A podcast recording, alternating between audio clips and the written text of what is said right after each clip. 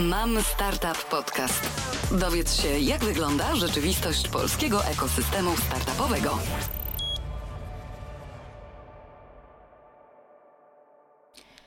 Dzień dobry, tu mam Startup Podcast. Przed mikrofonem Katarzyna Krogulec, a moim dzisiejszym gościem jest doświadczony przedsiębiorca, mentor studentów na Akademii Leona Koźmińskiego, ale przede wszystkim dyrektor zarządzający i założyciel funduszu RKKVC Mateusz Bodio. Cześć Mateusz. Dzień dobry, dzięki za te miłe przedstawienie. Dziś porozmawiamy między innymi o tym, czym jest y, Family Office i odpowiemy na pytania Wasze, czyli naszych czytelników. Ale zanim to, to podsumujmy ubiegły rok. Jaki on był dla Waszego funduszu? Zeszły rok, 2022, dla RKKVC był kolejnym rokiem rozwoju, kolejnym rokiem, gdzie zaprosiliśmy wiele spółek do naszego portfela e, i tak naprawdę większość z tych spółek e, miała więcej, e, większą ilość inwestorów niż, niż było na to miejsce. No i bardzo jestem z tego dumny, że każdy z tych dealu, dealów, a było ich chyba z 8, wygraliśmy i dostaliśmy się właśnie na cap table. Jako dumni inwestorzy teraz mamy okazję dołączyć do tej podróży i im po prostu pomagać z dnia na dzień.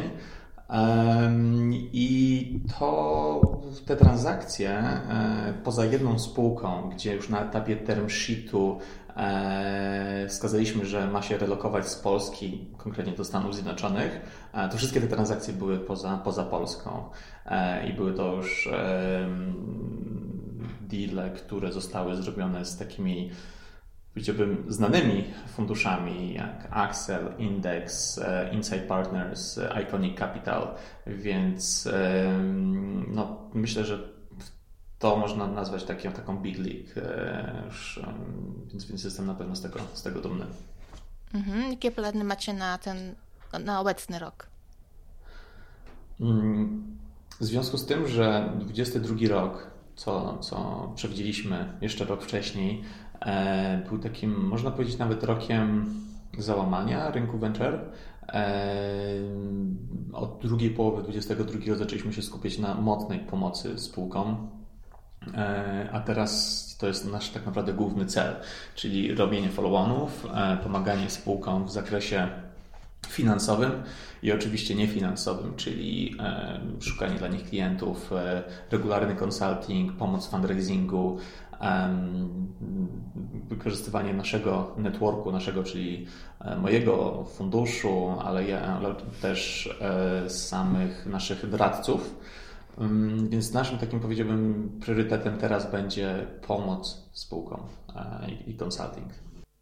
Znaczy oczywiście pewnie, wiesz, będą jeszcze jakieś tam drobne inwestycje, spodziewam się kilku, natomiast nawet zrobiliśmy na samym początkiem roku jednego follow-ona do, do naszej brytyjskiej spółki, ale w tym momencie naszą, tak jak mówię, ten, ten, to, tą uwagę kierujemy e, na taką aktywną pomoc. Mhm. Czy zmieniacie jakoś taktykę wobec tego, że ten rok może być trudniejszy? Bo już tutaj się mówi, że dla przedsiębiorców ta druga połowa roku będzie wyjątkowo trudna. Są jakby, mm, czy tak, jak najbardziej zmieniliśmy na tej zasadzie, że e, doradzamy naszym spółkom, żeby one jednak wydłużyły sobie ten runway, e, gdzie parę lat temu takim standardem było tam 12-16 miesięcy, no teraz to nawet jest tego dwukrotność takim standardem, świeżo teraz po rundzie, e, także, tak żeby spółki były przygotowane na tak zwany downturn i były, do, dojechały z wynikiem, z jakimś sensownym wynikiem z nowym produktem, nowymi klientami, e, może wejściem na nowe rynki e, właśnie do kolejnej rundy, żeby były te milestone osiągnięte. My, to, tak jak Ci wspomniałem właśnie odpowiadając na ostatnie pytanie, naszą strategią teraz jest e, zmiana fokusu z budowanie wielkiego, bardzo wartościowego pipeline'u na relokowanie tej naszej uwagi na portfolio. I teraz tak, Powiedziałeś, że niektórzy przedsiębiorcy spodziewają się, że druga połowa roku będzie ciężka. Zdaje mi się, że 22 rok, przepraszam, 23 rok będzie niezwykle ciężki do takiego prawidłowego oszacowania e, czy przewidzenia, e, czy to pójdzie w lewo czy w prawo. Jak sobie zrobiliśmy tutaj wewnętrznie parę analiz makroekonomicznych, E, to raporty banków e, typu Goldman Sachs, e, JP Morgan, Bank of America itd., tak itd. Tak dają bardzo różne perspektywy na ten rok. Od tego, że inflacja zostanie bardzo zduszona, po, po raporty, że inflacja będzie tylko większa, od tego, że lada moment będzie hossa, po wielką bessę. Więc Mm, ciężko jest przewidzieć w tym momencie, co, e, jak 23 rok i czwarty się ułoży. Natomiast ja się spodziewam, że e, odbicie rynku venture pewnie będzie w, dru w drugiej połowie tego roku, e, gdzie, gdzie jednak jest ten kapitał zakumulowany w tych funduszach. Oczywiście nie polskich, tak, bo, bo jesteśmy na tym, 23 rok jest tak, takim rokiem, powiedziałbym, przejściowym, gdzie dużo funduszy się zinwestowało, e, dużo e, zespołów szuka kolejnych środków do funduszy, natomiast te zachodnie fundusze mm, uważam, że mają te środki, przeczekały, powiedziałbym, okres, gdzie spółki, waluacje spółek dotknęły, no można powiedzieć, rock bottom, tak, tego dna i w tym momencie już jest e, lepsza perspektywa na, na inwestycje. I domyślam się, że ta lepsza perspektywa będzie właśnie w drugiej połowie 2023 roku. Powiedziałeś y, ostatnio, że ten rok będzie pierwszym rokiem, kiedy fundusze zaczną na poważnie zarabiać. I będą pierwsze, pierwsze zyski, tak? Takie konkretniejsze. Tak. A tak z czego jest. to wynika?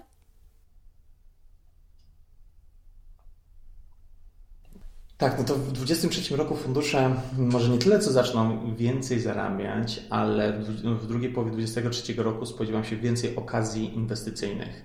E, w tym momencie rynek venture jest, powiedziałbym, stłamszony e, do takiego stopnia, że mm, NVCA nawet, czyli taka du duża organizacja amerykańska pokazywała, że w naszej tutaj regionie Europy jest duża, mm, duża dysproporcja e, popytu e, versus podaży na, e, na kapitał właśnie dla, dla spółek technologicznych.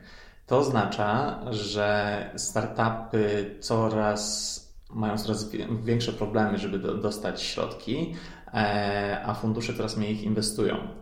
E, to oznacza, że będzie dużo lepiej, dużo więcej, mm, no tak, okazji inwestycyjnych na dużo lepszych warunkach, gdzie inwestorzy będą mogli sobie zabezpieczyć na przykład cały taki downside swojej inwestycji, e, gdzie w poprzednich latach na przykład nie było to możliwe czy, czy tak łatwe do uzyskania, e, gdyż po prostu było więcej funduszy, było więcej kasy. Jeżeli funderowi się nie, nie spodobały mm, warunki term sheetu, czy warunki ta danej inwestycji, szli do innego, innego funduszu i powiedzieli, guys, to są nasze warunki, minimum e, albo bierzecie, albo nie. No i tak właśnie się zbudowała bańka, mniejsza czy większa na, na tym rynku. Opowiedzmy o tym, czym jest Family Office, y, czyli fundusz butikowy, jakim jest y, RKKVC i czy to jest popularna forma funduszy venture na świecie. Powiem Ci tak. Po pierwsze, Family Office są różne definicje, natomiast mówi się o tym, że to jest, powiedziałbym, organizacja, która zarządza e, tak zwane assets under management minimum 250 milionów dolarów. E, I to jest taka przyjęta, przyjęta definicja, tak? W ramach na przykład majątku jednej rodziny. E, my akurat mamy, to jest single family office, ale też są e, multi-family office, gdzie, gdzie na przykład takich rodzin jest, jest więcej. Um, patrząc, mamy trochę tej, tej ekspozycji jako RKKVC na zagraniczne rynki i patrząc po, po tych właśnie zagranicznych rynkach widzimy, że um, Polska jest z tyłu, jeżeli chodzi o, e, o takie typowe family office. Mm, I, I, widząc, co się dzieje na zachodzie, w szczególności w Szwajcarii, w Niemczech, e, Wielkiej Brytanii, no to są, wiesz, pokoleń, to jest kasa przekazywana, ten kapitał, fortuna przekazywana z pokolenia na pokolenie. E, I coraz częściej widzimy, bo blisko 40% takich właśnie family office na zachodzie E, ma inwestycje pośrednie albo bezpośrednie właśnie e, w VC czy e, w spółki technologiczne. Pewnie zadałeś pytanie, czy to jest popularna forma inwestycji. Nie uważam, że, że to jest duży gracz i, i jako family office na, na, na rynku VC. Bardziej to są w głównej mierze LPC, tak? czyli Limited Partners, inwestorzy w funduszach venture. Natomiast wiesz, każdy rynek dojrzewa, jest transfer wiedzy i e, ja jestem zdania, że coraz więcej będzie inwestycji bezpośrednich, tak jak my to robimy w spółki e, technologiczne, e, a nie za pośrednictwem przykład innego funduszu venture. Jeszcze tylko tak Ci dodam, że w Szwajcarii na przykład są tak zwane fundacje rodzinne Stiftungi, i one mają, to są właśnie takie, wiesz, przekazywany majątek właśnie z pokolenia na pokolenie i one są pod zabezpieczeniem szwajcarskiego rządu które później ma swoje fundusze powiernicze i te fundusze powiernicze realizują statuty tych Stiftungów. Czyli jeżeli w statucie może być coś takiego, że dane pokolenie może dostać 10% majątku po skończeniu 30 roku życia, albo 10% dywidend z danego majątku musi iść na charity, albo 10% na przykład na inwestycje venture, prawda? E, albo jakiegoś tam wysokiego ryzyka. Więc moim zdaniem to będzie coraz częstsza e, forma inwestycji na, na, na, na rynku, gdzie, gdzie działam. E, natomiast na pewno nie jest to coś, gdzie wychodzisz w rynek i się spotykasz, że pierwszy lepszy family office jest inwestorem tu czy tam. Czy obserwujecie już teraz jakieś zwiększone e, zainteresowanie ze strony startupów, które jest spowodowane tą sytuacją, że fundusze kończą swoje cykle, jest jakiś etap Mm, bez, bez funduszy z PFR-u i czy, czy startupy zaczynają się interesować Wami bardziej? Może nie wszystkie wiedzą, że, że działacie inaczej. mm, Hmm. Co, chyba my nie komunikujemy tego na lewo i prawo, że jesteśmy funduszem prywatnym, mamy kapitał prywatny. E, oczywiście widzę, że jest tam większe zainteresowanie, natomiast e, tymi spółkami, przez te spółki, natomiast my strategicznie gdzieś skręciliśmy, e, żeby mieć mniej tych inwestycji w Polsce niż więcej, więc odwołałeś się do PFR-u, do NCBR-u, gdzie, gdzie tak jak wiemy, 23 rok jest coraz mniej tych funduszy, to prawdą jest to, że E, te, te, te spółki do nas e, częściej e, piszą i, i trafiają, ale to tak jak, tak jak kiedyś mówiłem, że mm, mimo, że mamy naprawdę bardzo duży pipeline spółek na naszej skrzynce mailowej, to byliśmy tylko raz bardzo blisko od zainwestowania właśnie w taką spółkę, tak to jeszcze nie mamy ani jednej transakcji, która trafiła nam na, na skrzynkę. Co Cię ekscytuje najbardziej w venture capital? Dlaczego wybrałeś taką drogę?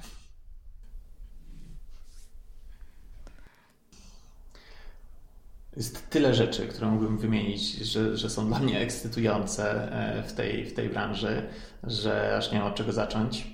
Ale wiesz, mm, to jest bardzo duża odpowiedzialność, jak się może zwykłemu śmiertelnikowi wydawać, że to jest super łatwa praca. Przychodzę do biura, e, odpalam sobie maila i patrzę, w co jest zainwestować, w co nie. To mi się podoba, to nie, z tym się spotkam, z tym się spotkam na kawkę. No nie, no to jest cholernie ciężka praca i to jest bardzo duża odpowiedzialność. Bardzo duża odpowiedzialność i środowisko transakcyjne to, to, nie są miłe misie i, e, i, i wiesz, jak, jak, jak, jest kwestia mm, już zarobienia pieniędzy, exitów, e, to, to, to, naprawdę nie są jakby łatwe, łatwe rzeczy i odpowiedzialność i presja jest naprawdę potężna. Można zrobić duży błąd, e, ale też można dużo wygrać. Tak jest ten rynek. Wiesz, to odpowiadając e, Ci na pytanie, co mnie ekscytuje, to jest to, że możemy, mamy okazję być no, blisko 20 spółkach inwestorem. Mam e, okazję widzieć, jak zarówno spółki, jak i funderzy się rozwijają, e, co jest niesamowicie motywujące, bo każdą z naszych spółek uf, naprawdę bardzo, bardzo lubię i życzę im absolutnie jak najlepiej. E, dlatego też się staramy, żeby im wszystkim pomagać, jak tylko możemy, całym naszym, powiedziałbym, asortymentem. I, I wiesz, praca z tymi ludźmi, niesamowicie ambitnymi ludźmi, którzy, dam Ci taki przykład. E, jedna z naszych niemieckich spółek została stworzona przez studentów, no, byłych studentów, to już goście 30, plus, e, którzy byli najlepszymi studentami w całych Niemczech i dosłownie wysyłali rakiety w kosmos. Postanowili zmienić jakby swoją branżę, pomimo tego, że mieli oferty po studiach od SpaceX, mieli oferty od NASA i od European Space Agency. Mieliby naprawdę do końca życia, wiesz, bardzo fajną inżynieryjną e, posadę, bardzo mm, dobrą pensję, e, działając w europejskich instytucjach. Powiedzieli, nie, jakby spróbujmy czegoś, czegoś cięższego, trudniejszego i stwórzmy własny startup. E, no i na przykład w tej spółce, gdzie, gdzie jesteśmy między innymi zainwestowani z taką organizacją jak Sony, może, może znasz, e, i, i jeszcze wieloma innymi. Mamy okazję, mieliśmy okazję tutaj być lead inwestorem, czyli tym inwestorem wiodącym, dyktującym warunki, posiadającym ewentualnie miejsca w zarządzie, w radzie nadzorczej i tak. I, i, I wiesz, jeżeli udało mi się wytworzyć to zaufanie tych ludzi i mieć możliwość z nimi współpracy, to jest dla mnie bardzo ciekawe i rozwijające, e, ale też jeżeli widać, że jesteśmy w stanie pomóc, e, negocjować z nimi, przynieść im klientów, e, to jest niesamowicie nobilitujące i takie spełniające człowieka, że, że może wiesz, działać w takiej branży. Przez to dla mnie, jak, jak istnieje fundusz 3 lata, to, to nie była praca, to było także trochę taki. No, nie chcę nazwać to pracą, bo to 8 godzin to tutaj nie, nie działa po prostu funduszu. To jest tak, że się pracuje kilkanaście godzin, czasami, czasami często wchodziły soboty też, wiesz, w, w, w, jako dni pracujące, ale dla mnie to nie było tak, że kurczę, muszę iść do pracy. Nie, od, włączam maila, spotykam się z ludźmi i to przyjemność i taki cały czas taki leveling up, cały czas idziemy do przodu, cały czas się rozwijamy, cały czas jest ten progres i cały czas jest głęboka woda. E, w ten sposób e, ten RK mi się jakoś tam udało rozwinąć, czyli pasja, e, taki dedication i, i obserwowanie też efektów tej pracy. Mhm. A co przynosi Ci najwięcej satysfakcji? Oczywiście mój inwestor pewnie by chciał usłyszeć, że wyniki, bo tylko to, bo to jest najważniejsze tak naprawdę. Praca z ludźmi, rozwój, e, rozwój oczywiście e, mój, rozwój organizacji i e, funderów.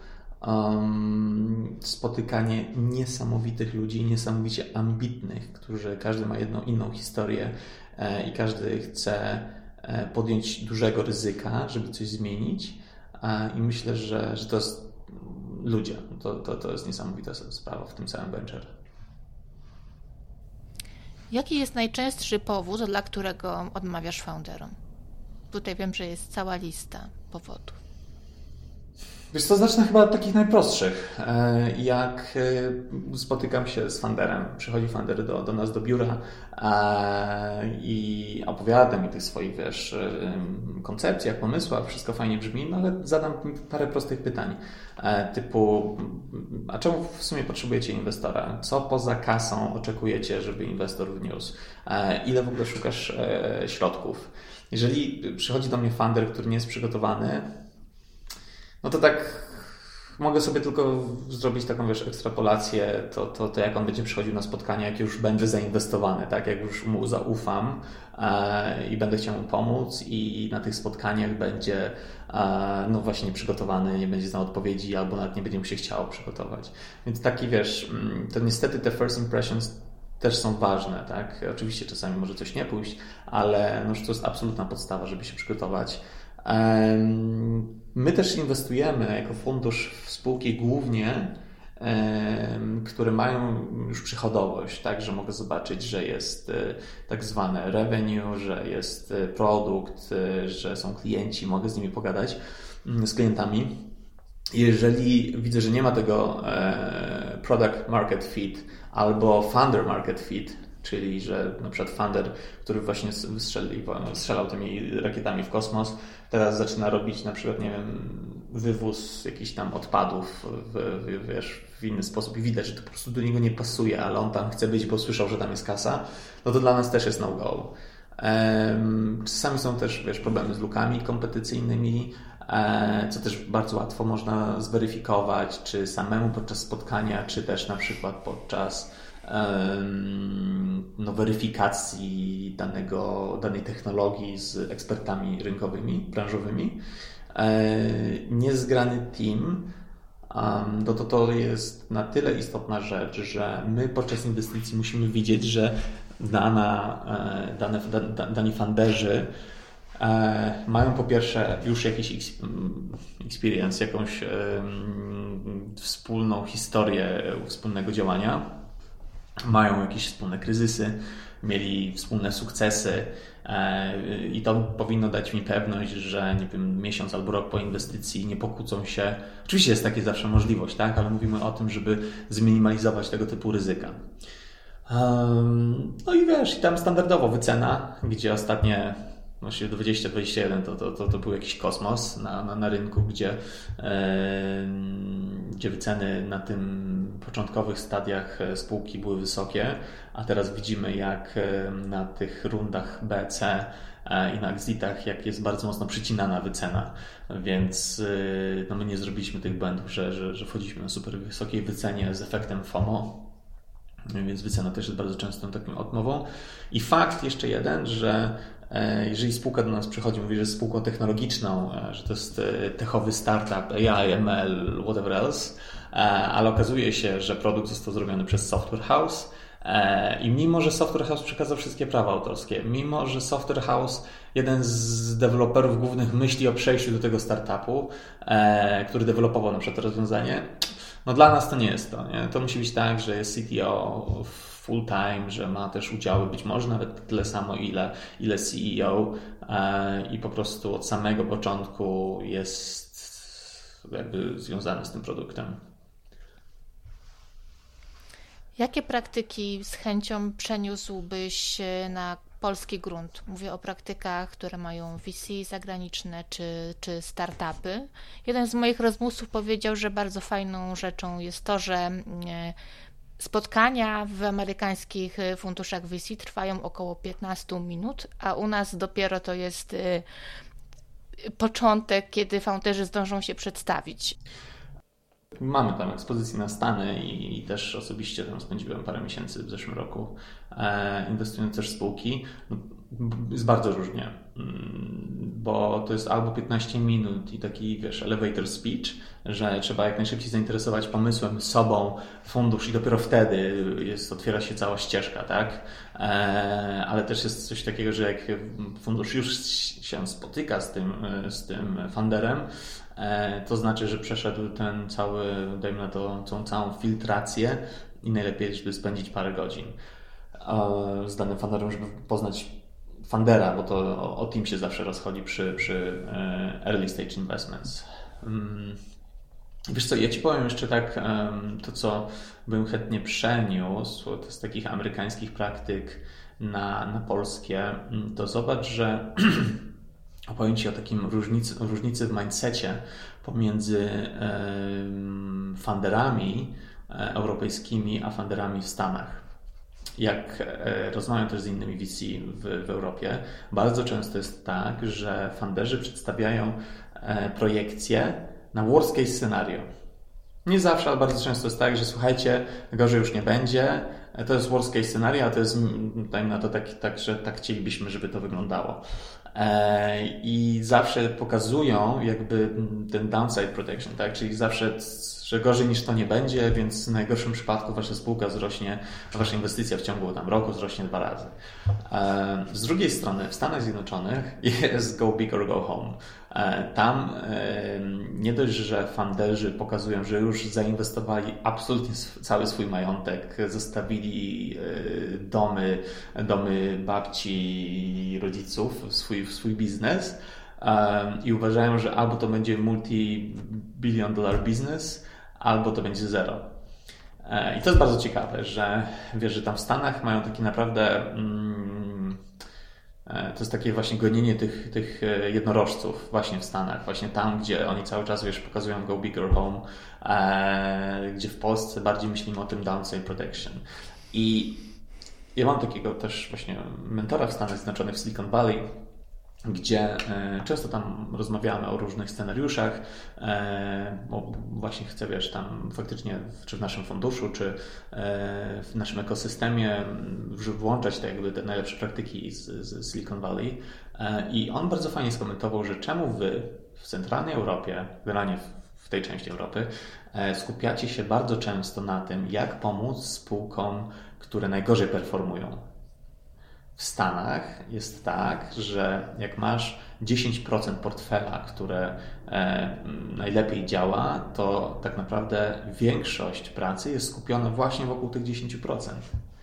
Bo to jest na tej zasadzie, że jeżeli masz stracić całą inwestycję, dajmy na to milion euro, to czy poświęcę 30 godzin albo 300 godzin, żeby uratować się z masy e, likwidacyjnej z 200 tysięcy euro na 300 tysięcy euro, być może będzie przegapione, żeby moja najlepsza spółka z na przykład mnożnika sprzedaży 20 skoczyła na 30.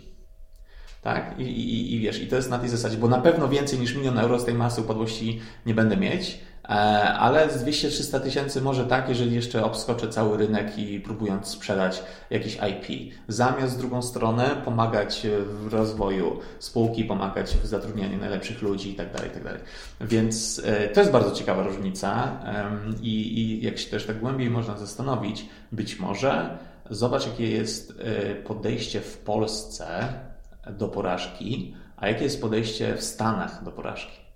Gdzie w Polsce, mm, jeżeli coś nie wyszło komuś, no to a, pff, nie umie robić biznesu, pff, to jest tam. Oczywiście, jeżeli zrobił 40 biznesów, wszystkie padły, dajmy na to na, na tę samą przyczynę, że nie wiem, coś się stało, no to być może wiesz, coś w tym jest. E, natomiast w Stanach, jeżeli coś komuś nie wyszło, no to okej, okay, fajnie, że spróbowałeś, opowiedz, co Twoim zdaniem nie wyszło i jak byś kolejny biznes zrobił tak, żeby to jednak wyszło, prawda? E, więc, więc w dalszym ciągu mamy taki, mm, no takie kulturowe, powiedziałbym, uwarunkowanie, które też być może przejawia się właśnie w mindsetie e, niektórych funduszy inwestycyjnych. Jeśli jesteśmy już przy Stanach i o porażkach, to chciałam teraz połączyć te dwa tematy. E, wczoraj rozmawiałam z kimś.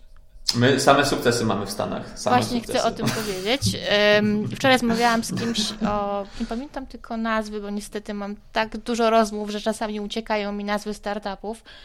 Ale jest jakiś startup polski, deeptechowy bodajże, który nie mógł pozyskać finansowania w ogóle w Polsce. Pozyskał go w Stanach i nagle, kiedy wszyscy dowiedzieli się, że finansowanie jest od Amerykanów, to wszyscy chcieli inwestować nagle w Polsce. I takie jest moje pytanie w związku z tym, y, dlaczego tak się dzieje? Czy wcześniej polscy inwestorzy nie widzieli tego potencjału? Czy ktoś musi z zagranicy potwierdzić to, że rzeczywiście ten startup jest y, coś wart? Z czego to może wynikać?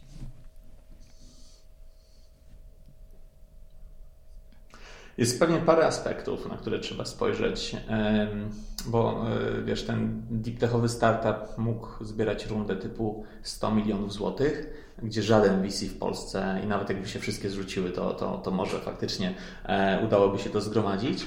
E, I, i być może tu to jest taka kwestia, że że jeżeli nie masz na przykład wtedy lidującego, czyli tego inwestora wiodącego, który wykłada najwięcej kasy, najbardziej wierzy w produkt, najbardziej go rozumie, e, to no, nawet może się dołożyć, ale wtedy mówisz, słuchaj, nie, nie, nie, wiesz co, na, na, na, robi się tak zwane soft commitmenty i mówi się, słuchajcie, jak znajdziecie jakiegoś lead inwestora, to my na przykład chcemy wziąć pozostałe 30% rundy. E, I często jest tak, że robi się takie ulepy, mówiąc tutaj żartobliwie, ale, ale wiesz, że, że po prostu spółka chodzi po rynku i szuka tych commitmentów i później, jak już jest ok, ten mi da 10% rundy, ten 20%, e, ten 50% i tam jeszcze pozostały ktoś, no to później, wiesz, kontaktuje się i zbiera się te hard hard commitmenty w postaci na przykład term sheetu, podpisując term sheet. Być może w tym przypadku e, a zrozumienie na polskim rynku e, przez polskie VC tego mm, wynalazku tego, tej spółki było ciężkie i nie chcieli uwierzyć, bo nie mieli na przykład e, ani doświadczenia, ani przekonania do technologii. Natomiast jeżeli jakiś amerykański inwestor, czy brytyjski, czy francuski, czy niemiecki, który dajmy na to jest ma bogatą historię inwestycji w tego typu branży, ma powiązania na przykład z jaką, jakimiś spółkami, które mogłyby od razu zacząć korzystać z tej technologii, a przede wszystkim wcześniej ją zwalidowały przed inwestycją. I mamy takiego, mm, powiedziałbym, inwestora wiodącego, czyli lead inwestora, który ma jeszcze dobry brand.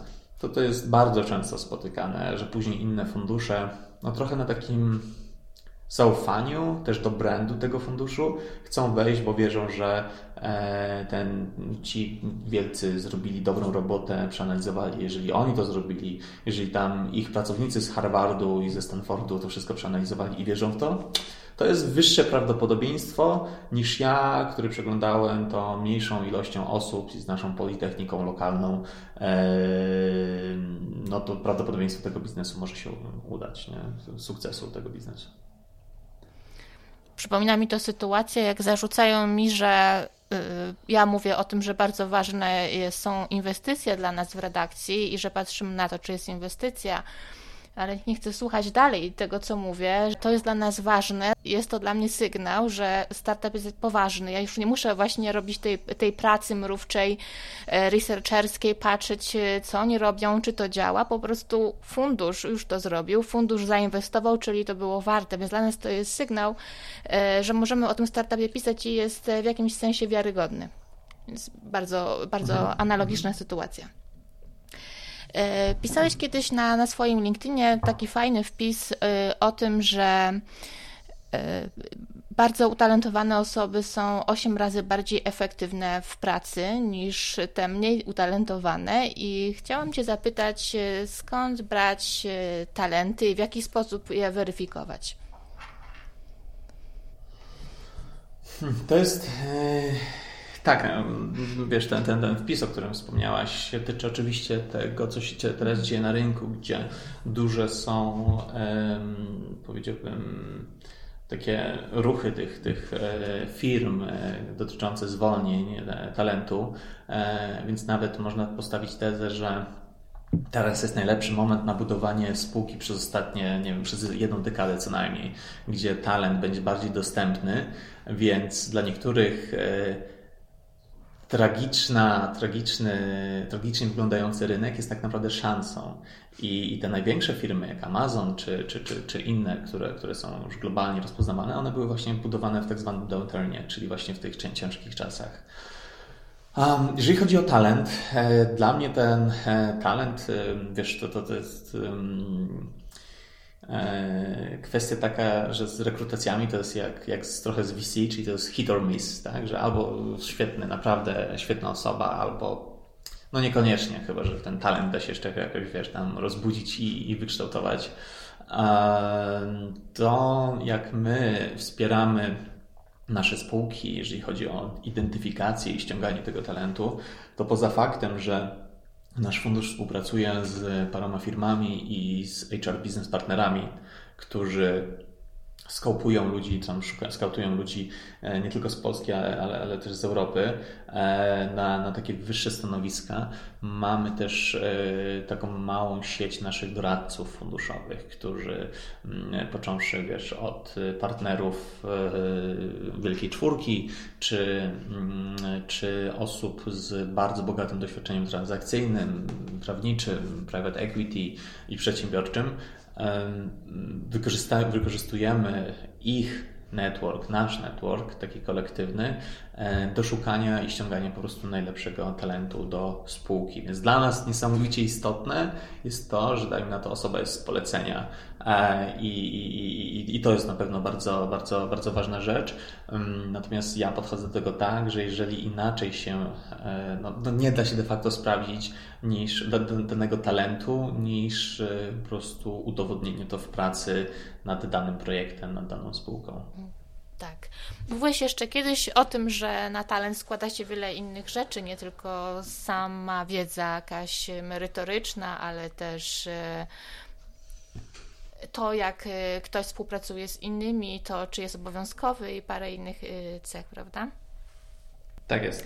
Mhm. Okej, okay. to skończyliśmy tą pierwszą część z moimi pytaniami. Teraz mamy pytania od naszych czytelników. póki co jeszcze nie słuchaczy, bo nie zdążyli być jeszcze naszymi słuchaczami, przynajmniej nie podcastu, który ja prowadzę.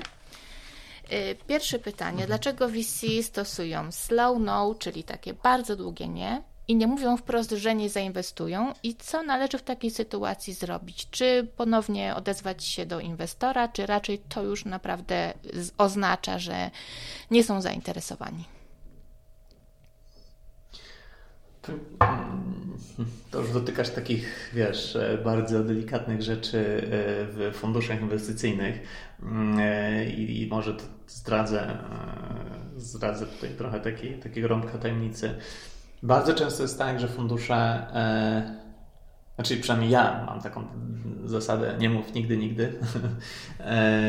I fundusze mówiąc slow no, E, widząc, na przykład identyfikując talent w funderze, identyfikując potencjał w danej spółce, e, nie chcą od razu odmawiać, no właśnie z tego powodu, że no może przeciągniemy trochę proces, a może właśnie ten magiczny amerykański inwestor się pojawi e, i wtedy spółka do nas wróci i powie, słuchajcie, tak sobie długo gadamy, a w międzyczasie jeszcze tutaj amerykański inwestor chce wziąć 50% rundy i być lead inwestorem, tutaj są jego warunki, czy, czy bylibyście z tym ok, czy chcecie dołączyć.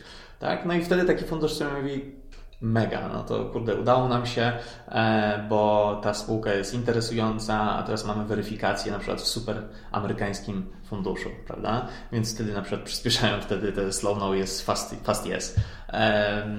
I wiesz, powiem Ci jeszcze tak, że często, mm, często funderzy, i to jest takie moje takie zaskoczenie, e, często funderzy się doszukują takiego hidden meaning, takiego ukrytego podtekstu, e, nie wiadomo czego. E, I przy, przy takim, o, wiesz, powiedzeniu nie, albo nadinterpretacji maila, e, czy tam feedbacku od danego funduszu. Przy czym, że powiem Ci szczerze, że no czasami jest tak, że ten deal nie podpasuje danemu funduszowi. Fundusz nie będzie pewien technologii, nie będzie pewien funderów i po prostu powiedzą nie dzięki i, i tyle, nie? Ale to, to, to, to nie ma tam co się e, doszukiwać, że może źle byłem ubrany, może krawat był w złym kolorze, a może buty powinny być w tenisówkach, a nie w jakichś eleganckich tam butach wyjściowych. Mm, natomiast wiesz co, powiem Ci, że e, dlatego ja uważam, że lepiej mówić fast no niż slow no, bo to jest tak naprawdę przysługa zarówno dla nas, dla funduszu, bo się nie ciągną nam tematy, ale też przede wszystkim dla funderów, bo od razu wie, że może iść dalej, a nie to, że, że musi teraz czekać na 30 e, wiesz, jakby otwartych pozycji e, z funduszami i cały czas wiąże jakieś nadzieje, bo to jest po prostu, po prostu kiepskie. Nie? Natomiast właśnie to, co mnie bardzo denerwuje, to jest taka nachalność funderów. Jeżeli miałem taką sytuację, że e, taki jegomość mnie zaaprochował jeszcze poza e, mailem na LinkedInie i na Facebooku i podczas takiej właśnie rozmowy chyba na LinkedInie e, trzy razy musiałem powiedzieć nie i on nie mógł zrozumieć, dlaczego ja nie chcę w niego zainwestować. Im bardziej Wręcz, wiesz, wyczułem takie zdenerwowanie, ale jak, jak, jak nie chcesz we mnie zainwestować? Jak to jest w ogóle możliwe? Przecież jestem taką świetną spółką, która nie może zebrać kasy od półtora roku czy od dwóch lat. I, I to już było tak nachalne, że już serio zacząłem się denerwować, że jakby no stary, no jakby, no nie, przyjmij to, że, że my nie, nie będziemy w Ciebie inwestować e, i wiesz, już po prostu miałem ochotę jak najszybciej skończyć tę rozmowę, bo to absolutnie do niczego nie prowadziło, tak? E, Im bardziej on mówi o tym, jaki jest świetny, tym bardziej ja mniej w to wierzę. Mm, I, i wiesz, to był zupełnie inny, zupełnie inny taki e, efekt, który chciał Funder uzyskać. Następne pytanie od naszego czytelnika. Dlaczego fundusze inwestujące na etapie SIT wymagają trakcji? Jest to pytanie mhm. od y, startupu HR-techowego, który właśnie miał takie przygody z funduszami, że dopiero zaczynał, dopiero była postawiona platforma, a już wymagano tego, żeby były, byli klienci i żeby startup zarabiał. A, widzisz. I teraz wróćmy do um, definicji słowa, czym jest trakcja, bo dla niektórych funderów trakcja to muszą być milionowe kontrakty. E, i to jest bardzo i to ok, ale, ale nie zawsze e, ma miejsce, ponieważ mm, w zależności z którym funduszem rozmawia funder, Jeżeli rozmawiam na przykład z RKKVC, my potrzebujemy mieć trakcję w postaci przychodów, trakcję w postaci więcej niż jeden klient, który jest nie wiem, bratem na przykład danego fundera, który klient jest faktycznie pozyskanym klientem z rynku, e, może cold mailowanym, może w jakiś inny sposób odnalezionym, ale my potrzebujemy mieć taką e, niezależną trakcję w postaci e, wybudowania e, tego całego lejka klientów, przychodowości i tak. Ale my jesteśmy tym funduszem, który inwestuje bardziej w e, spółki seedowe i serię A. Natomiast są też e, fundusze tak zwane pre-seed, czyli te e, zalążkowe, te, te, te, te, ci pierwsi inwestorzy, którzy się znajdują często w tych spółkach, spółkach technologicznych. I dla nich trakcja to nie jest od razu revenue, to, nie są przychody i 10 klientów. Nie, dla nich trakcja tak naprawdę może być nawet letter of intent podpisany z jakąś korporacją, z jakąś firmą, która e, na tym liście informuje, że gdy będzie już produkt gotowy, chętnie przetestujemy Waszą betę na tym, na tym środowisku. Kolejny przykład trakcji jest to, że mamy na przykład nasze MVP, albo że budujemy MVP i mamy waiting listę w postaci 100 osób, którą z kolei znaleźliśmy na Facebooku, bo zrobiliśmy, zrobiliśmy taki outreach do potencjalnych klientów, zderzyliśmy z nimi naszą ideę i, i z tych 100 osób na przykład 10 się zapisało na naszą waiting listę. To już jest trakcja. To trakcja e, przede wszystkim ma za zadanie um, zweryfikować, że dany pomysł, dany model biznesowy, dany produkt będzie w zainteresowaniu potencjalnych klientów. I taki fundusz presidowy będzie pewnie bardziej szukał, który ma zrozumienie, że na presidzie nie szuka się przychodów, tylko właśnie trakcje w ten sposób. Będzie bardziej się szukał właśnie tych innych, jakby poza pieniężnych dowodów e, słuszności inwestycji, żeby zminimalizować potencjalną e, no, default, no, bankructwo spółki, tak? Bo właśnie między Persidem a Sidem jest największy, e, największy odsiew tych spółek, tak? Więc wiesz, tylko dam Ci jeszcze taki, e, taki, taką sugestię, że w, w, Europie, w szczególności tutaj w naszym regionie, bardzo dużo funduszy e, oczekuje już na, na, na etapie seed, e, takim wczesnym seedzie albo na pre-seedzie, że już będzie, będzie revenue i to jest dla nich świetne, świetny mm, taki współczynnik pokazujący, że, że spółka ma jakość, że, że spółka wie co robi. W Stanach Zjednoczonych to nawet, wiesz, po, po paru latach, nawet na rundzie A e, nie są koniecznie wymagane przychody. Oczywiście teraz to się zmieni, zmienia się może tak, to jest, mamy, jesteśmy teraz świadkami procesu, który jest taką jakby właśnie, mm, powiedziałbym, zmianą, dlatego, bo e, ostatnie lata, czyli tam 22, końcówka 21 pokazała, że coraz bardziej liczy się zyskowność startupu e, niż e, wzrost poza, poza wszelką cenę. Mm, dlatego mm, w tym momencie faktycznie teraz będzie Jednym z ważniejszych parametrów właśnie będą, będzie revenue, czyli przychodowość. E, w późniejszych etapach startupu będzie nawet e, bardzo mocno, moim zdaniem, przynajmniej my to robimy, oceniany unit economics, czyli to, w jaki sposób dany produkt się sprzedaje, e, jak wygląda marżowość pierwsza, druga na produkcie, mm, ile spółka przy jakich parametrach może zarobić nawet żeby dojść do tak zwanego punktu break-even, czyli żeby sama mogła się utrzymywać nad, nad e, tak zwaną powierzchnią wody.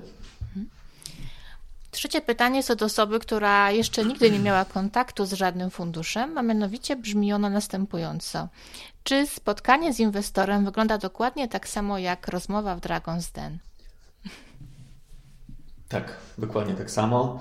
E, przychodzi jeden, jeden założyciel, my siedzimy w dziesięciu, znaczy, e, wiesz, jest taki, taki stół, taki, taki półokrągły. Pod warunkiem, no że was jest dziesięciu. Tak, i wszyscy tak patrzymy, bardzo, bardzo, wiesz, e, prosto w oczy Fanderowi i, i mówimy, opowiadaj. Nie, no oczywiście, że nie. Znaczy, inaczej. Dragon's Den ma dużo wspólnego, tak? No bo jest tak zwana sesja pitchowania, czyli opowiadania o pomyśle. E, inwestorzy słuchają, zapisują, obserwują. Tylko, żeby to było jasne, oni obserwują wszystko. To Pytają o liczby również? To na końcu. Nie, to na końcu, Mhm. ale podczas jakby samej sesji pitchowania, podczas tych złotych 10 minut, 5, 20 godziny, gdzie funder opowiada o tym swoim pomyśle, no to zazwyczaj jest tak, że w 90% e, wszyscy siedzą cicho, tak? E, Czyli my jako inwestorzy po prostu notujemy sobie jakieś tam pytania. Może jeżeli coś wymaga rozjaśnienia, to faktycznie będzie jakieś pytanie pomiędzy, pomiędzy, pomiędzy zdania, zdaniami do fundera. Ale to, co chcę podkreślić, to jest to, że nie liczy się treść, którą wypowie funder, liczy się absolutnie wszystko. Począwszy od tego, w jaki sposób, nie wiem, jeżeli to będzie spotkanie w restauracji, jak na przykład będzie się zachowywał do kelnerów, jak y, będzie opowiadać, jak będzie opowiadać o sobie, jak będzie opowiadać o swoich na przykład y, cofunderach. A jak jest E, ubrany? Więc Wiesz co, no to, to, to, akurat wspomniałeś na samym początku o tym, że e, jestem tam mentorem na Koźminie. E, I tam też sobie czasami e, wykładam.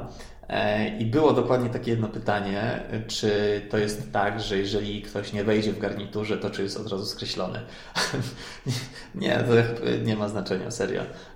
Domyślam się, że jak przyjdzie przebrany za Jodę albo za kogoś innego, no to pewnie bym dziwnie spojrzał na to, ale pewnie dalej z uśmiechem. E, Ale powiem, powiem Ci, że taką akurat śmieszną anegdotkę. Przyjaciele z takiego funduszu mm, e, X, e, to jeden z partnerów ma psy. E, I powiedział, że i czasami brał te psy do biura i powiedział, że jeżeli psy nie przestaną w ciągu 5 minut szczekać, to my nie inwestujemy, nie? I było tak, że faktycznie szczekały dłużej. Więc y, nie, no ale, ale nie, ale gość, y, to oczywiście w formie żartu opowiadam. E, Nie, to nie ma jakby znaczenia, czy, e, czy ktoś jest ubrany, wiesz, w garnitur czy w bluzę.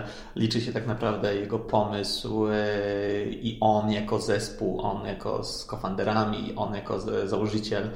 To jest naj, na- najważniejsze. E, Oczywiście, jeżeli przyjdą, wiesz, tam ubrani elegancko, to fajnie, ale to absolutnie na mojej liście, e, wiesz, takiego, takiego scorecardzie e, tych, tych, o tej oceny na pewno nie dostanie jakoś dużo więcej za to, że, że przyjdzie inaczej ubrany. Dopytałam, to jest- bo, no właśnie. tak, bo Mhm. powiedziałeś, że liczy się wszystko, więc jak wszystko, to i pewnie jakieś ogólne wrażenie wizualne również. To wiesz, no pewnie tak, no jeżeli przyjdzie w podartej koszuli, no to znowu mogę sobie to Ale wiesz, jest tak taka moda ekstrapolować. No dobra. Dobra, to, to niech będzie, ale wiesz, jeżeli, jeżeli przyjdzie w podartej koszuli i, e, i no to dalej na wczesnym etapie trzeba sobie po prostu troszkę bardziej spróbować zdobudować ten scenariusz, dobudować tego, jak funder, jak osiągnie super wzrost, jak osiągnie e, niesamowite przychody, albo jak ich nie osiągnie, jak będzie źle się działo w spółce, jak będzie się źle działo wśród ich klientów albo makroekonomicznie. Musimy sobie na tym wczesnym etapie wyobrazić, jak się dany funder zachowa, jak my będziemy się z nim dogadywać, czy jest ta chemia. Te wszystkie aspekty mają niesłychanie ważne znaczenie. Dlatego, mm, wiesz, no przyjdzie w podartej koszuli albo przebrany za jodę, no to sobie mogę wyobrazić, że jeżeli przy kolejnej e, rundzie finansowania, jak my już zainwestujemy, też przyjdzie teraz przebrany, no za, nie wiem, tam Skywalkera albo jakiegoś innego druida, no to myślę, że jak mnie to rozbawiło i może to być, wiesz, fajne i sobie tak wrzucę, bo gość jest pomysłowy, no to kolejni inwestorzy bardziej będą poważni i nie będą inwestować w takie, wiesz, wymysły. Więc y, pewnie tutaj no, ta stonowaność jest, jest istotna, ale mm, mówiąc o wszystkim, e, też jest bardzo istotne to, e, jeżeli jest dwóch albo trzech cofunderów i oni w trójkę przychodzą e, i na przykład będzie mówił tylko jeden, nie? To, to, to też, jest, też jest negatywny znak, że, bo daje nam już do zrozumienia, że tylko jeden gość ma głos w tej całym, wiesz, trio. Tylko jeden go- gość nie chce dopuszczać innych, bo co? Bo im nie ufa, bo uważa, że e, sknocą, bo nie umieją się wypowiadać, a wiesz, a ja po inwestycji ja z wszystkimi będę rozmawiał, z wszystkimi będę chciał im pomóc, z wszystkimi będę współpracował, bo na koniec dnia, jeżeli będzie jakiś problem, no to my wszyscy musimy stawić temu czoło. To nie jest tak, że, że tylko jedna osoba, więc e, to też jest wiesz, takie rzeczy istotne. E, Leon z Sequoia e, wypowiedział się nawet, że jak idzie na kolację z funderem przed jeszcze inwestycją, patrzy nawet, co on zamówi I przykładowo, jeżeli e, gość mówi, że a, ja, ja so, zawsze sobie dosalam, dosalam e, swoje danie, bo, bo tak lubię bardziej, zawsze dosalam, dla niego to jest to wiadomość, ok, czy ja nie lubię nowych smaków, nie lubię nowych rzeczy próbować, nowych innowacji. Więc naprawdę wiesz, niektóre rzeczy są bardzo daleko wystrzelone o interpretacji zachowań. I wiesz, i to, to, to, to jak się mówi, że na wczesnym etapie inwestuje się w ludzi, jak najbardziej, dlatego trzeba to bardzo dobrze zidentyfikować, kogo się inwestuje i, i poczuć tą, tą, tą, tą chemię i yy, to, to zaufanie też wobec siebie. To jest niesłychanie istotne. Ten wątek y, z wyglądem możemy podsumować tak, że lepiej nie eksperymentować, kiedy się idzie na spotkanie z inwestorem, bo to są z tego, co ja widzę i z moich doświadczeń wynika bardzo poważni ludzie. Y, chyba nie spotkało mi się rozmawiać z kimś, kto byłby bardzo wyluzowany. Mm, I myślę, że oni też y, patrzą na to i odbierają to w sposób. To, jak my wyglądamy, to jak się prezentujemy, jest również dla nich bardzo istotne. Tak, ale są też tacy wyluzowani inwestorzy, znam takich, więc. Pewnie e... są, ale akurat z tymi, z którymi ja rozmawiałam, no to muszę powiedzieć, że w większości to są bardzo poważni e, jegomoście. Tak, wiesz, przy czym że, że pewnie na polskim rynku to są głównie osoby po, po, po bankingu, są mm. ludzie, którzy zrobili też jakieś duże wcześniej biznesy, bo, bo ten rynek VC to uważam, że on istnieje, wiesz, tak naprawdę parę lat, dynamicznie się rozwija, mamy naprawdę bardzo fajne fundusze w Polsce, ale te smart money cały czas pewnie rośnie. To jest, to jest, wiesz, to jest etap plus nauki, to jest tak zwany learning curve. I e, jak w Stanach Zjednoczonych to jest tak, że normalnie się przechodzi wiesz, w tenisówkach, bluzach. E, na południu Europy dalej to jest jeszcze temat garniturów, prawda? No więc to, to, to, to, tak powoli, powiedziałbym, to jest takie uwarunkowanie tego, tego segmentu rynku. Mhm. Ale wydaje mi się, wiesz co, że też to zależy od wieku, bo te osoby 50 plus na pewno patrzą, y, czy przyszedłeś nie wiem, w klapkach, y, jak na plażę i niektórym to naprawdę przeszkadza. Były takie wpisy nawet ci, na że, że e, no okej, okay, no natomiast wiesz, no, może być tak, że to może być wielka szansa i ten gość w klapkach, który był wyluzowany, zrobił unicorna i dał potężny wzrost swoim inwestorom, tak też może być ale jest taki e, nawet w samej Warszawie inwestor, który ma bardzo bogate doświadczenie jeszcze ze Stanów Zjednoczonych i on na spotkaniach normalnie zbluje. Właśnie przynosząc pewnie, wiesz, takie e, swoje fajne standardy ze Stanów Zjednoczonych i jest bardzo doświadczony i bardzo dużo zrobił transakcji um, i, i, mam też bardzo dobre zdanie o nim. Właśnie jest, wiesz, często widziany w bluzie. Okej. Okay. To kolejne pytanie. Pozwolę sobie je przeczytać, ponieważ jest dosyć długie. Jaką rolę odgrywa intuicja w inwestycjach? Czy od początku wiesz, że ktoś koloryzuje, pokazuje się w lepszym świetle i czy pomimo to masz szansę na współpracę? E, to jest, to jest dobre pytanie, bo, bo jak można ocenić team? Tak? No nie będę mieć, wiesz, tam wielkiej, wielkiej kartki i sobie będę tam zamalował kółka, skali, skalę i tak dalej. To, to jest bardzo ciężkie. Oczywiście są do tego jakby takie narzędzia, asesmenty, które mogą, mi lepiej zrozumieć psycho, psychologię czy psychikę e, funderów, ale to jest niesamowicie, mm, no właśnie, intuicyjne podejście, więc się z tym zgodzę żeby, że zanim my zainwestujemy w jakąś spółkę, no pewnego czasu e, mamy taką zasadę, że tak, po pierwsze ja muszę tam polecieć, jak już oczywiście po wielu kolach, po, po zobaczeniu term sheetu, ale tuż przed inwestycją ja chcę polecieć na miejsce i spędzić na przykład tydzień z danymi funderami.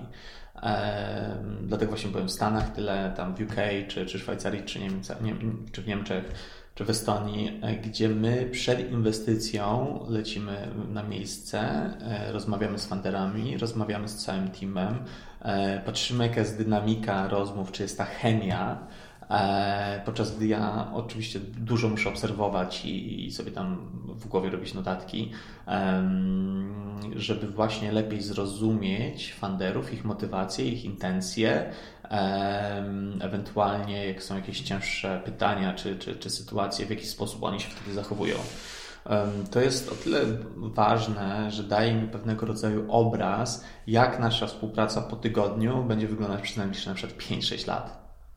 Więc tu jest, wiesz, duża, duża sprawa, żeby dobrze zanalizować, nie przestrzelić się w swoich jakby domysłach czy takich hipotezach, że dany funder będzie twoim fajną, będzie twoją fajną jakby spółką, będzie ciebie challenge'ował, będzie chciał być challenge'owany, będzie chciał się uczyć i będzie e, krytycznie słuchał uwag e, ode mnie, od mojego zespołu, czy na przykład od, dajmy na to, doradców, których ja mogę przynieść tutaj do, do danej spółki. Więc intuicja jest bardzo ważna, natomiast z drugiej strony nie można podejmować decyzji będąc w pełni e, przepełniony na przykład jakimiś emocjami, czy negatywnymi, czy pozytywnymi. Po prostu tak nie można. Więc e, to jest e, dość ciężka sytuacja. I teraz do, dokonując też takiego y, uproszczenia, y, porównując na przykład e, venture capital i private equity, y, gdzie, gdzie private equity są to inwestycje w dużo bardziej dojrzałe spółki, czy technologiczne, czy na przykład spółki wydobywcze z, z sektora bardziej przemysłowego, to w pewnym momencie, jeżeli mamy fundusz, który się wyspecjalizował w inwestowaniu na przykład w automotive, w pewnym momencie są to tak naprawdę kalki naniesione, bo wiem jak taka, bo takich fabryk zbudowałem 10 albo wyinwestowałem 10, wiem jakie są średnie pensje, wiem co jest potrzebne, wiem e, jakie są inwestycje e, w, w jakieś tam urządzenia konieczne. Natomiast VC to jest tak, że to wiesz, tysiące różnych jakby sygnałów płynie i te sygnały trzeba dobrze czytać, które są takim false positive, które są po prostu nieistotne, a które są na tyle istotne, że dadzą ci na przykład informację red flag, e, nie inwestuj, bo jak będzie ciężka sytuacja, to gościu będzie się bardzo stresował, nie będzie wiedział, jaką podjąć decyzję, będzie niedecyzyjny albo będzie jakiś robił paniczne ruchy. E, dlatego ta intuicja przełożona pewnie z jakimś doświadczeniem jest jakimś takim, myślę, kluczem właśnie, żeby takie dobre robić inwestycje. Mhm. Przy czym wiesz, no znowu, team jest bardzo ważny, e, jego assessment, bo na koniec dnia, nawet jeżeli okaże się, że produkt, ich wizja nie jest taka korzystna e, na rynku, że po prostu się na, na ten produkt nie przyjmie, team będzie na tyle zmotywowany, że jeszcze będzie pivotować, pivotować, pivotować, aż w końcu znajdzie to rozwiązanie, żeby zwrócić um, pieniądze inwestorom z dużą nadwyżką. To też jest tak, rozmawiałem o tym właśnie z takim, z tym moim mentorem e, i on też powiedział bardzo fajne zdanie, że e, czasami jak rozmawiasz z tymi ludźmi, ty wiesz, że ten człowiek osiągnie sukces. Ty wiesz, że e, ten funder to jest tylko kwestia czasu. Czy to będzie teraz, w tej firmie, w następnej, czy jeszcze następnej, ale wiesz, że sooner or later ten gość osiągnie sukces. I, e, no i czasami wiesz, to jest właśnie to, że, że może będzie ten product market fit i będzie po prostu genialny unicorn, a może być tak, że kurczę, teraz nie pójdzie, ale następna firma będzie świetna, a że danemu funduszowi po, podczas tej inwestycji świetnie się współpracowało z danym funderem i pomimo tego, że była porażka, na przykład jest dalej skory do inwestycji w jego kolejny produkt. Tak też się zdarza. Mhm. A tutaj właśnie była druga część tego pytania. Czy pomimo to, że ktoś ukazuje się troszkę w lepszym świetle, czy masz szansę jeszcze na współpracę, czy jak już odkryjesz, aha, okej, okay, jest cała lista tych minusów, y, i to, to, to jest raczej już u Ciebie odpowiedź negatywna, czy jednak dajesz jeszcze szansę i na kolejnych rozmowach? Jeżeli jestem już tak święcie przekonany, że nawet jeżeli padło mikrokłamstewko, no to już wiesz, to już się żegnamy, bo ym, mam takie doświadczenia, że jeżeli się pojawią te red flagi, to, to, to jak najszybciej ucinamy, bo, bo serio i tak miałem dwa czy trzy razy że zrezygnowałem w ostatnim momencie z inwestycji i okazało się, że pomimo tego, że spółka jeszcze zebrała jedną i drugą rundę, te wszystkie przeczucia, które miałem parę lat wcześniej, dokładnie wyszły parę lat później. E, I ten funder na przykład, no, no różne były, wiesz, historie, nie? Ale, ale e, nie, nie najlepsze po prostu, więc my, my podchodzimy do tego tak, że e, mamy taki jakiś taki, wiesz, no, dekalog naszych tych zasad, którym, których staramy się być wierni. Czyli uważajcie, startupowcy, bo Mateusz ma bardzo dobrą intuicję. Znaczy, o, tak, uważajcie. I ostatnie pytanie z tej serii też przeczytam, bo jest dosyć długie.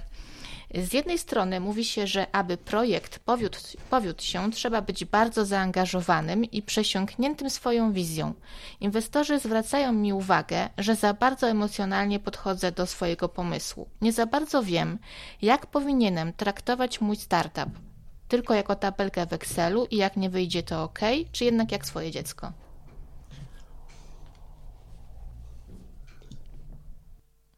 To jest trudne chyba.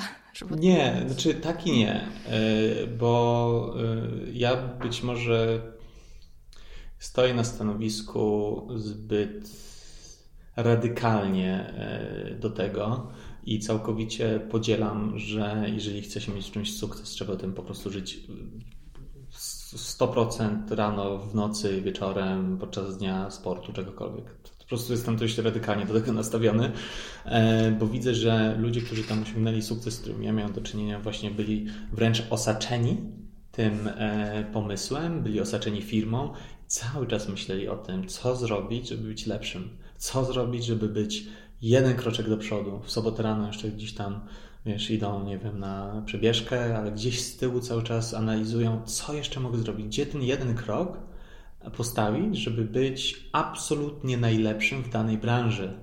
Absolutnie najlepszym, jeżeli chodzi o wiedzę rynkową, absolutnie najlepszym, jeżeli chodzi o na przykład połączenia, e, żeby osiągnąć sukces w tej firmie. I wierzę, że takie, e, wiesz, powiedziałbym, obsesyjne dosłownie myślenie z, te, z, z doświadczeń, które mam e, i z, i z funderów, w których miałem okazję zainwestować czy, czy obserwować, właśnie tacy są. Są ambasadorami po prostu swojego pomysłu, są nierozłącznie z nim związane, po prostu jak właśnie tak jak powiedziałaś o, o tym swoim dziecku, tak? E, natomiast czasami jest tak, że te emocje czasami trzeba po prostu lekko przydusić, w szczególności jeżeli jest mowa o transakcji, jeżeli jest mowa o wycenie, jeżeli jest mowa o pieniądzach, bo mm, fakt, że dana osoba przemyślała tysiąc godzin w tym roku, albo nie wiem ile, ale strasznie dużo zasobów, nerwów, czy nawet problemów rodzinnych kosztowała ich ta firma, e, żeby być na danym momencie, jakim jest, na koniec dnia, to są dalej liczby. E, I pomimo tego, że inwestor, inwestorzy inwestują zawsze spotkałem głównie z tym, że chcą dobrze dla danej spółki, no to na przykład okazuje się, że ta spółka nie jest warta 100 milionów, a na przykład 30 milionów i funder, który chciał oddać za x milionów x procent, okazuje się, że musi oddać za x milionów, nie wiem, dwa razy więcej. No i czasami te emocje i przywiązanie są takimi killerami, bo funder oczekuje za wiele. E, pomimo tego, że na przykład ma fajny fundusz, pomimo tego, że wszyscy go rozumieją, ale na przykład fundusz też e, myśląc o kolejnym kroku, o kolejnych inwestycjach, o kolejnym jakby fundraisingu, myśli jakby mm, nie możemy tak, takiej wysokiej wyceny dać, bo po prostu nie zbierzesz kolejnej rundy. Albo jeżeli teraz zbierzesz na takiej dużej wycenie, kolejna runda będzie na przykład nie dwa razy większa, albo taka sama, przepraszam, wycena będzie taka sama, albo dwa razy większa, albo w ogóle mniejsza i wtedy się odpalą dodatkowe e, zapisy w umowie, które e, chronią inwestorów, tak zwany anti-dilution, na przykład cały cap table, czyli ten um, posiadanie udziałów i przez, przez funderów będzie zbyt niskie i będzie to po prostu nieatrakcyjna inwestycja na przykład dla kolejnego funduszu. Mm, tak więc um, Fajnie jest rozwijać tą myślą, będąc przesiąkniętym pomysłem i tymi emocjami. Naprawdę super. Na koniec dnia to jest super przygoda i dla tych, którzy są na tyle odważni i chcą w ten sposób prowadzić swoje życie, to jest, to jest być może na drogę do sukcesu, ale czasami te emocje trzeba bardzo mocno zdusić i, i twardo, twardo rozmawiać, e, twardo stąpając po ziemi, tak? wiedząc jakie są realia rynkowe. Mhm. No bardzo Ci dziękuję za te odpowiedzi na pytania naszych czytelników. Mam nadzieję, że usatysfakcjonowały naszych słuchaczy odpowiedzi, bo były naprawdę wyczerpujące. Jeszcze mam pytanie o to, co polecasz do przesłuchania lub do przeczytania dla inwestorów mm. i dla founderów? Co? Ja tego słucham strasznie dużo, mm, czy, czy na, na treningach, czy w samochodzie, czy dowolnie indziej. Staram się e, konsumować te treści, których jest coraz więcej w formie podcastów chociażby. E, bardzo ciekawym podcastem jest na przykład Oleń Podcast gdzie masz paru takich właśnie venture capitalist i przedsiębiorców, e, którzy mówią o bardzo rozmaitych tematach, od venture po politykę, przez e, sytuację makroekonomiczną, to jest bardzo ciekawe.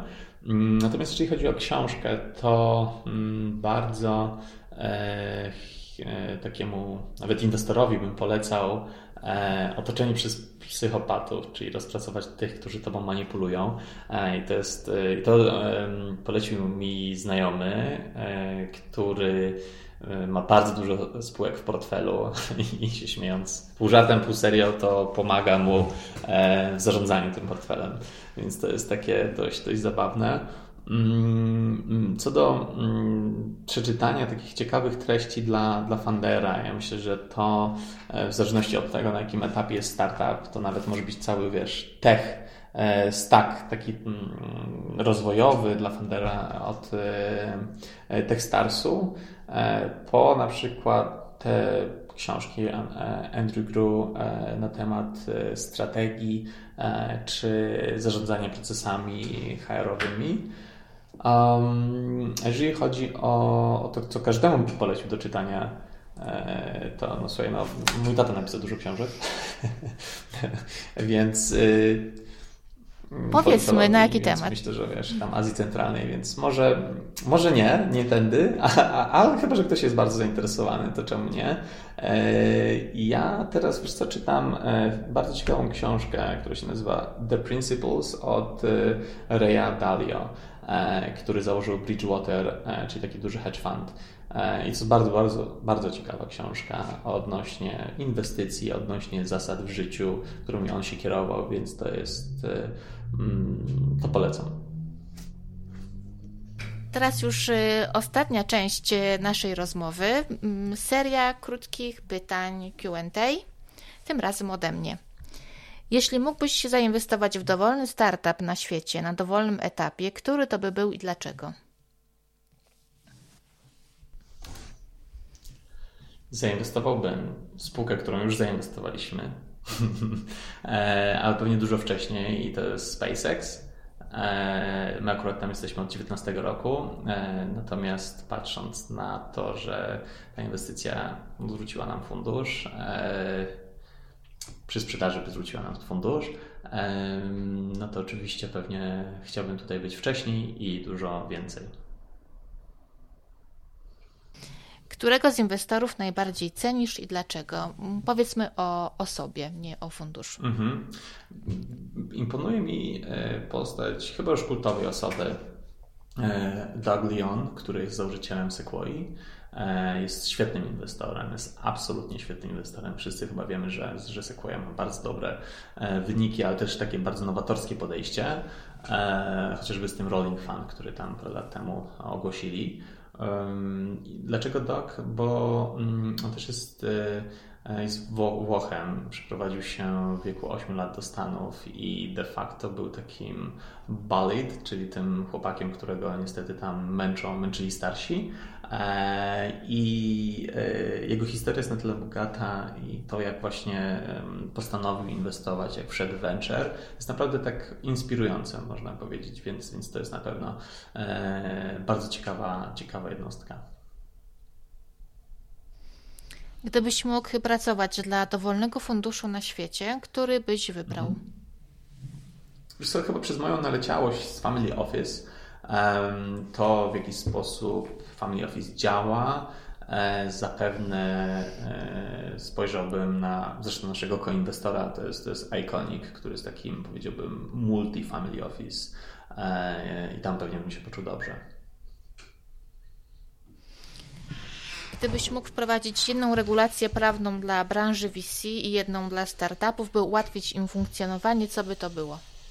Mhm.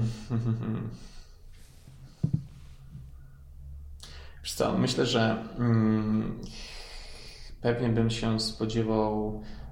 W sumie już mamy teraz tą prostą spółkę akcyjną, ale dalej ona nie jest mocno ćwiczona w tym sektorze. My nie mamy jeszcze ani jednej inwestycji, no, dlatego, że wyszliśmy z Polski, ale y, w prostą spółkę akcyjną. Zazwyczaj to były spółki ZO albo akcyjne więc spodziewałbym się nieco łatwiejszego frameworku do inwestowania, zarówno dla inwestorów indywidualnych, e, jak i dla mm, samych wiesz, startupów, które mogłyby się tam tworzyć. E, teraz co prawda są te wiesz, zwolnienia podatkowe, czy tam odpisy podatkowe, jeżeli się koinwestuje na przykład z PFR-em w postaci chyba biznesu i otwartych innowacji, fajnie, że takie coś powstało z tym polskim ładem, ale spodziewałbym się, żeby mm, ten rynek, ekosystem bardziej urósł, to, to, to jeszcze jakichś kolejnych takich właśnie takich ułatwiających inwestowanie i, i zachęcających jakby inicjatyw, e, frameworków właśnie w Polsce.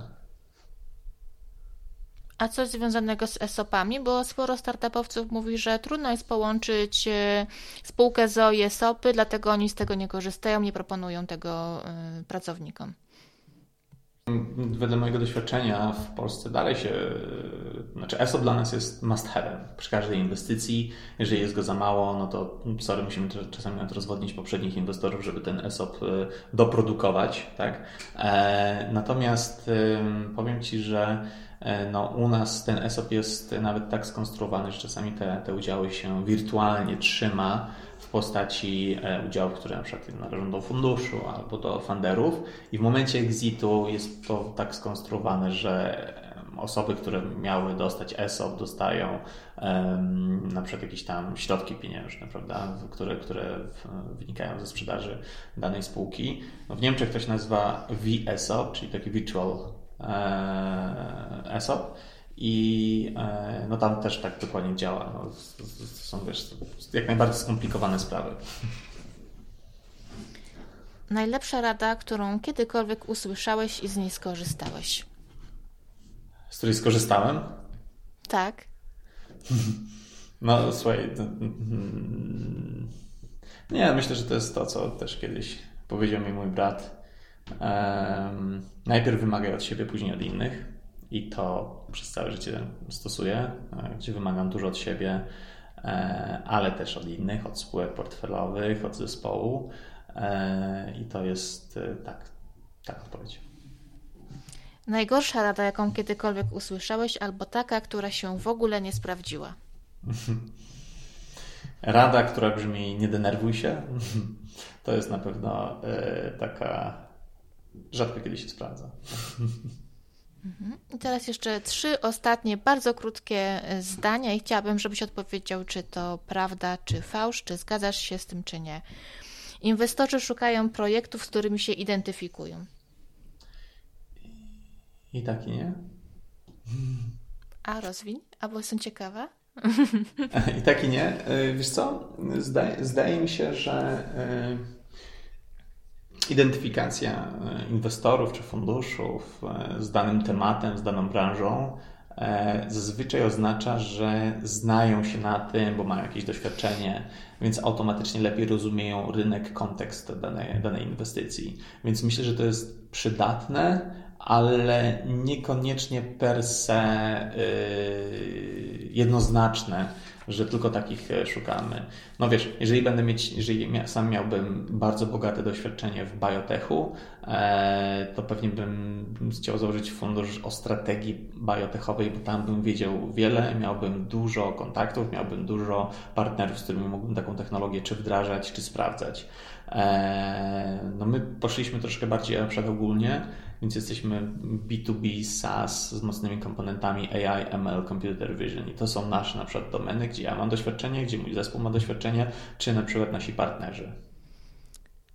Dzięki. Polskie fundusze VC wbrew nazwie są funduszami unikania ryzyka. Ja wiem, że wy w jedną ze spółek y, zainwestowaliście na etapie pomysłu. Było to, o ile dobrze pamiętam, do Kendo, więc wy na pewno nie.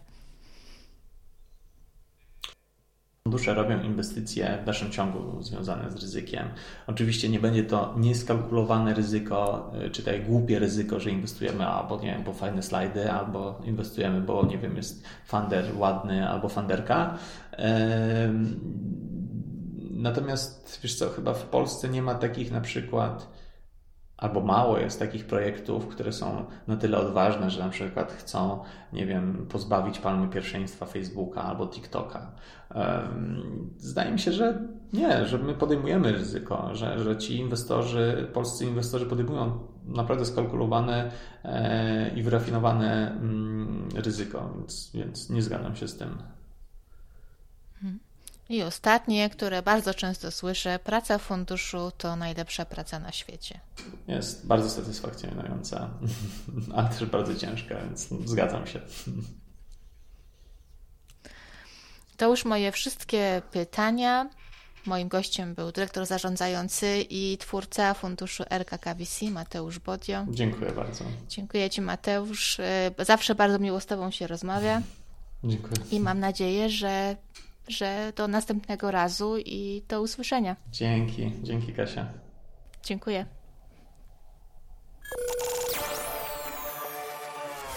Sprawdź inne odcinki Mam Startup Podcast na Spotify, YouTube, Apple Podcast i Google Podcast.